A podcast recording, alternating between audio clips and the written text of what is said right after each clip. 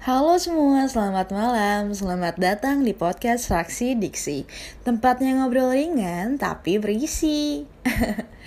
Bersama gue Tiar yang bakalan nemenin kalian selama beberapa menit ke depan. Hai, apa kabar?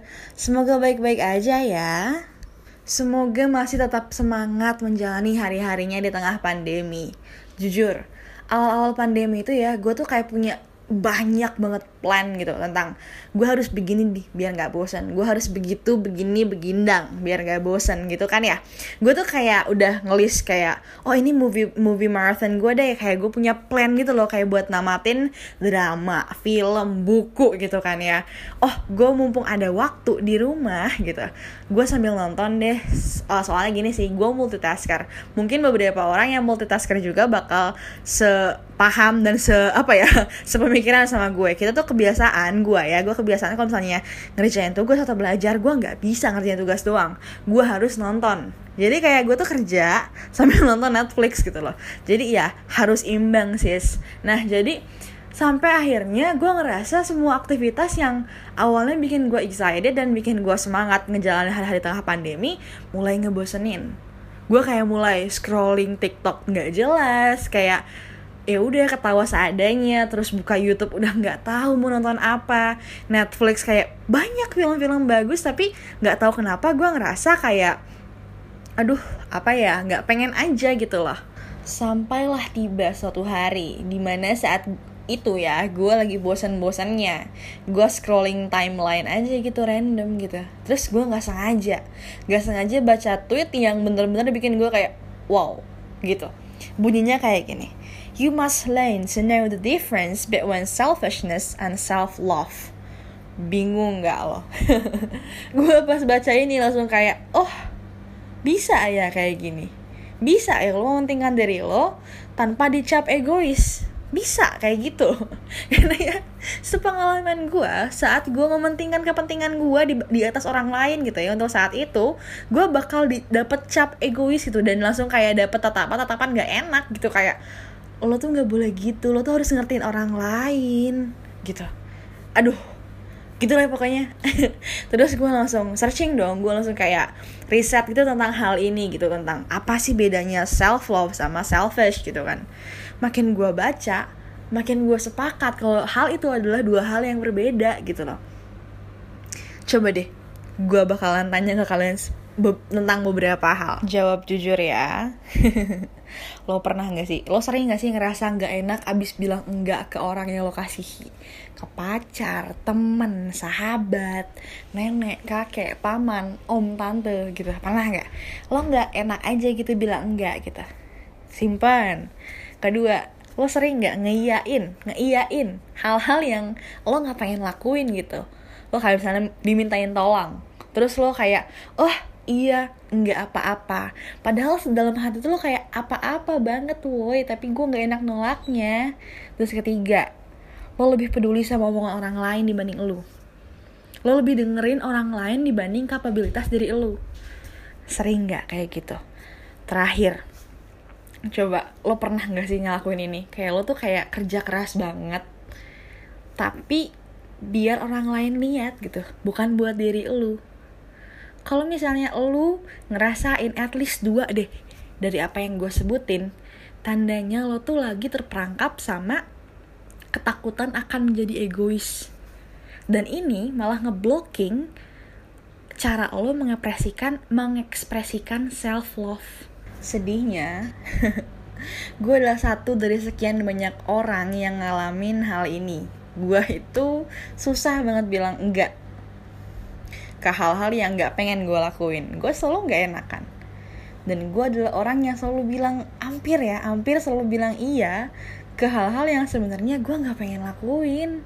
Cuman ya gimana lagi kalau gue nggak ngelakuin nanti gue kalau gue nggak ngelakuin nanti kasihan dong.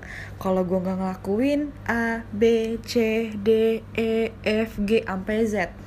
Ada aja alasannya supaya gue akhirnya ngelakuin hal itu gitu loh.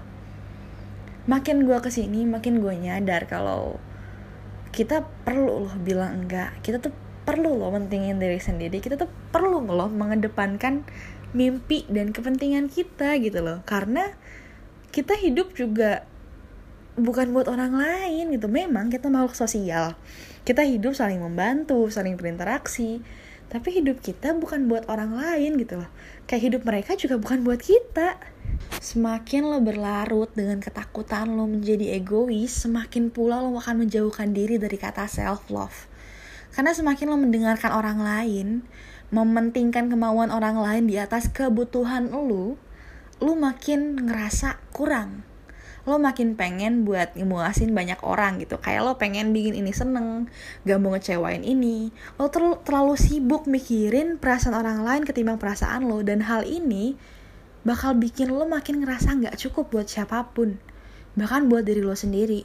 Karena apa lo gak akan pernah bisa muasin semua orang. Lo gak akan pernah bisa maksa semua orang suka sama lo. Seperti halnya lo.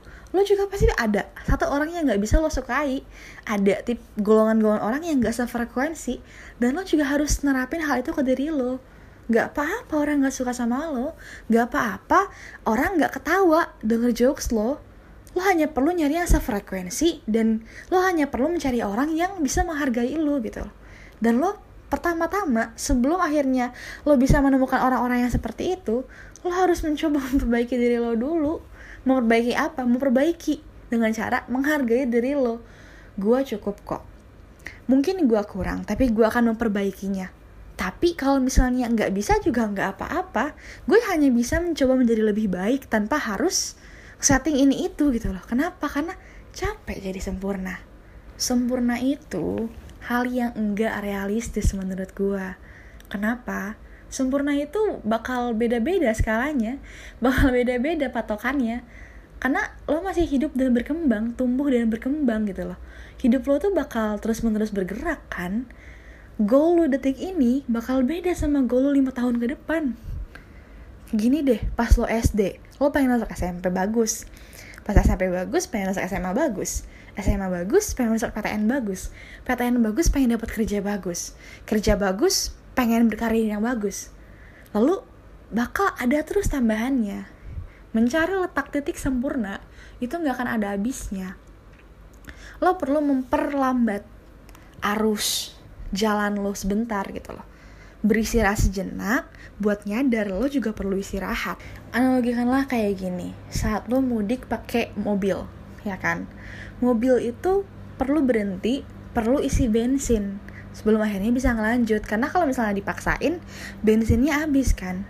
Mobil yang cuman mesin aja nggak punya hati nggak punya perasaan nggak punya otak ada capeknya dan nggak bisa jalan kalau misalnya udah nyentuh limitnya apalagi lu yang manusia.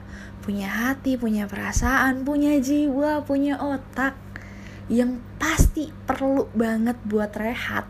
Tapi lo paksain terus buat ngejar entah apa. Kecapean yang ada. Keteteran yang ada. Gitu loh. Makanya gue bilang gak apa-apa mementingkan diri lo sendiri demi kebutuhan lo gitu loh.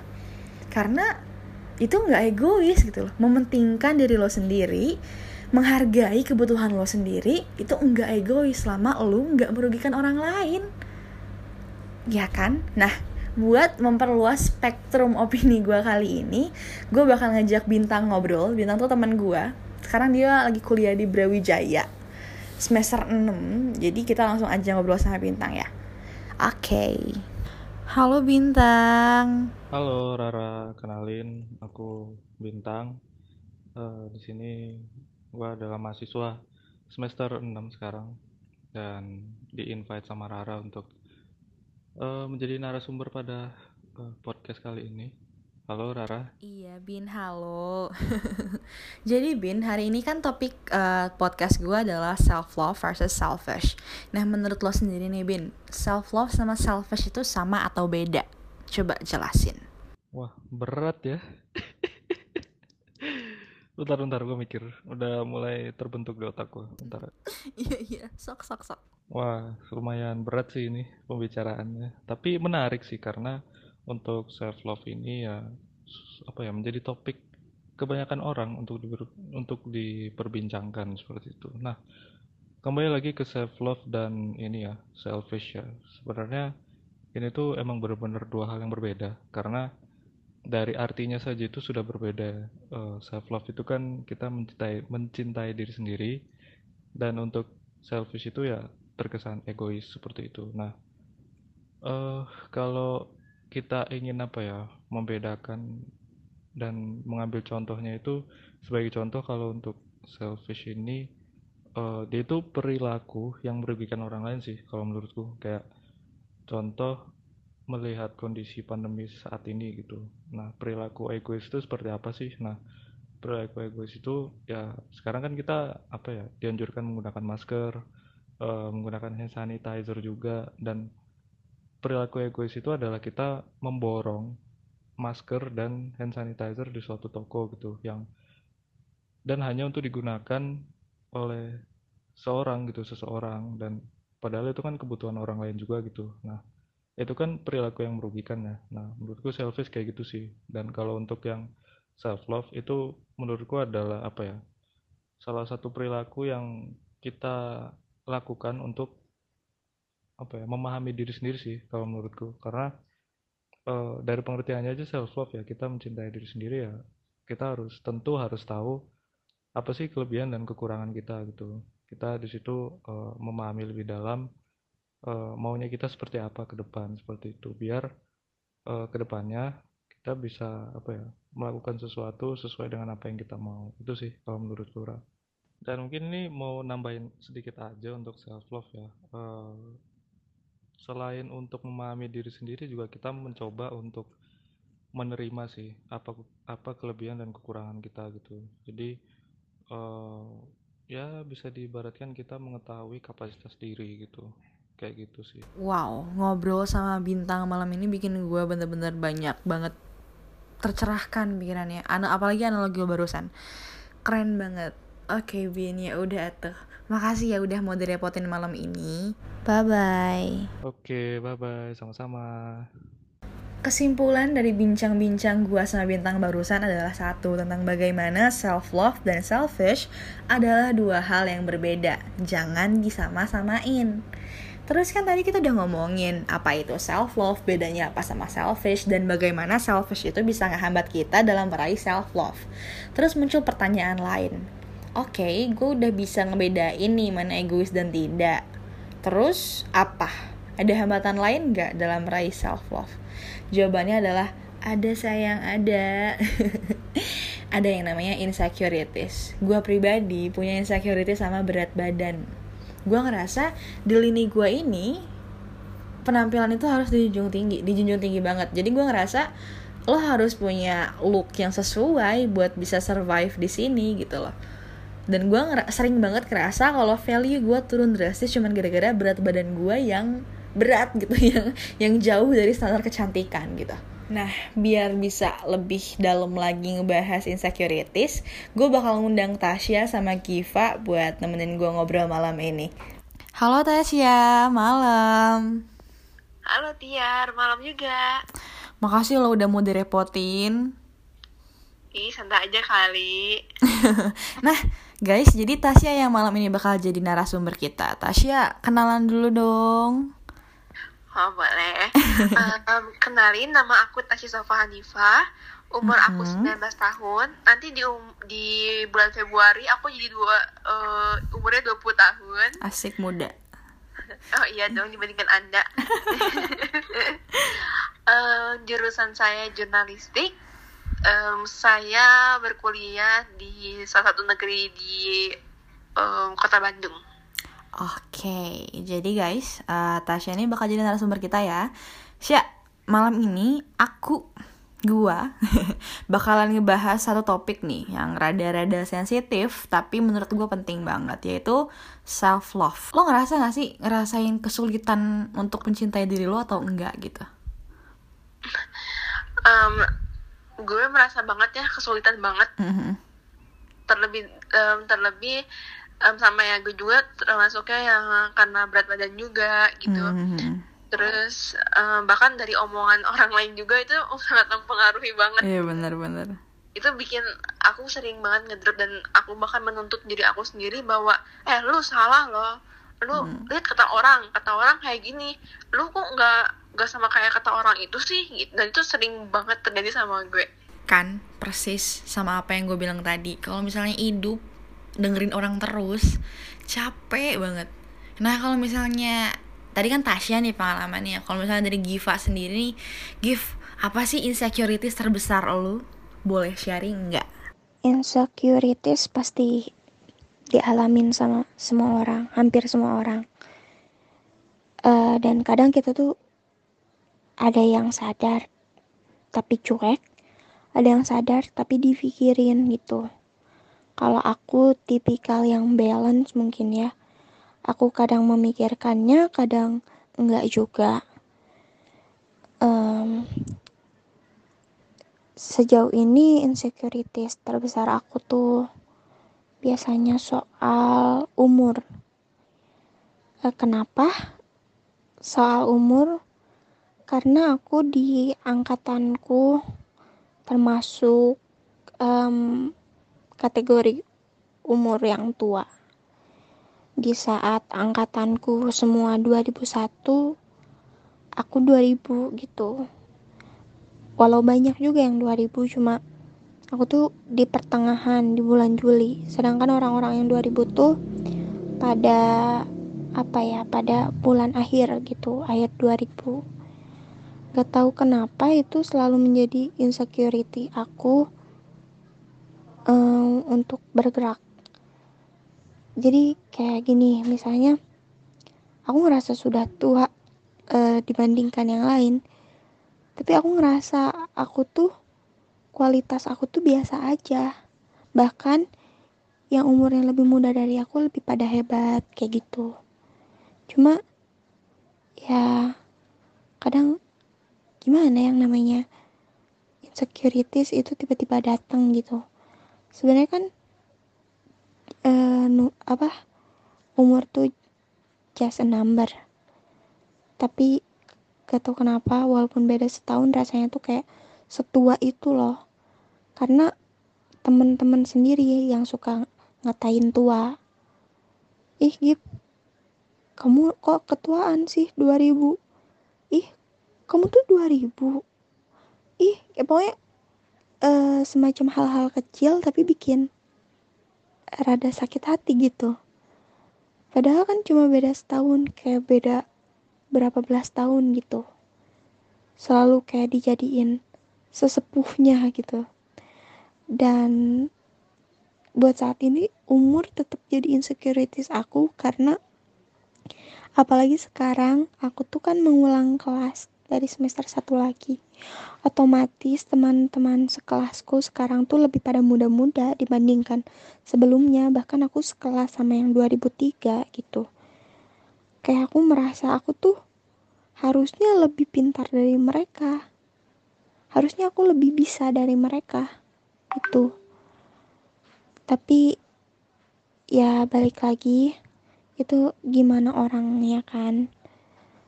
Uh, maksudnya Tuhan pun udah ngasih ukuran ngasih kapasitas ke masing-masing manusia gitu. Dan harusnya kita tuh terima itu gitu. Dan mungkin emang sudah nasibku gitu di antara angkatan tuh aku selalu jadi yang tertua gitu. Tuh namanya insecurities yang jadi hambatan tuh selalu ada aja macemnya. Dari umur berat badan sampai hal-hal yang sebenarnya orang tuh kayak mikir ah nggak mungkin ah dia punya insecure kayak gini ah biasa aja bercandaan aja. Kok nyatanya omongan lo itu bisa jadi insecure seorang jadi hati-hati dong dalam berbicara. Nah gift Tasya makasih ya udah ngeluangin waktunya di podcast kali ini. Kita nanti ngobrol-ngobrol lagi ya. Ya udah dadah. Bye bye bye bye seperti yang Tasya bilang tadi tentang gimana dia terpengaruh sama omongan dari luar ya.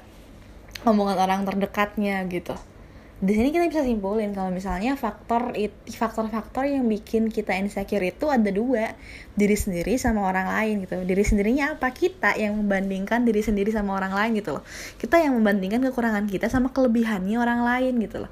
Dan ada faktor luar gitu di mana omongan-omongan yang sebenarnya nggak disengaja keucap tapi terfikirkan gitu akhirnya.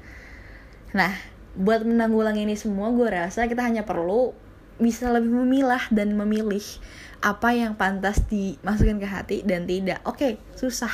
Gue pun begitu. Gue tuh kadang kalau misalnya lagi sensitif ya bisa berantem kali sama siapa gitu cuman gara-gara hal sepele gitu. Kenapa? Karena itu hal yang bikin gue sensitif dan ada kalanya gue nggak bisa ngontrol gitu loh. Kayak itu nyakitin dan gue nggak bisa diem aja gitu kan. Nah selanjutnya kita bakal ngomongin gimana cara menanggulangi insecurities kita dan gimana cara kita bisa mencintai diri kita seenggaknya mencoba lah mencoba mencintai diri kita. Oke okay, kita bakal nyambung sama ke Shirley ya share hubungan tentang gimana cara lo ngehandle mm, insecurities atau pikiran-pikiran toxic yang ngehalangin lo dalam mencintai diri sendiri. Gimana share? Lanjut dong. Halo aku Shirley Putri Febrianti dan sekarang aku lagi ada di Bandung. Cara buat bangkit dari rasa hilangnya aku itu dengan belajar ikhlas untuk bisa nerimain diri aku sendiri dan berkembang sebagaimana mestinya gitu. Ikhlas sih kuncinya dan juga uh, meski belum bisa nganggep diri aku itu bermakna sepenuhnya, tapi aku lagi ada di proses untuk bisa ke sana. Dan orang tua aku itu ya salah satu motivasi aku gitu selain diri aku sendiri ya. Selain temen-temen yang cinta sama diri aku sendiri gitu. Oh emang ya. Growing up's never easy. Growing up itu nggak pernah segampang itu gitu loh. Kita dipaksain ngerasa banyak banget hal yang sebelumnya nggak pernah kita rasain. Ragu sama diri sendiri hilang sama diri sendiri sama yang kayak Sheryl rasain kemarin. It happens to me too pernah rasanya kayak aduh ini bukan gue deh ini gue siapa sih? gitu kan kayak kehilangan jiwa. Tapi ya itu hidup gitu loh itu pendewasaan gitu. Sampai akhirnya lo bisa perlahan baik-baik aja gitu walaupun belum sepenuhnya. Namanya juga growing up sih kan? Nah akhirnya kita semua udah tiba di penghujung acara bincang-bincang kita udah berhenti sampai di sini dulu. makasih buat teman-teman yang udah berpartisipasi di podcast gue kali ini dan makasih buat teman-teman yang udah stay dari awal sampai akhir. Dan sampai ketemu lagi di episode-episode Raksi selanjutnya bersama Tiar. Until next time, bye!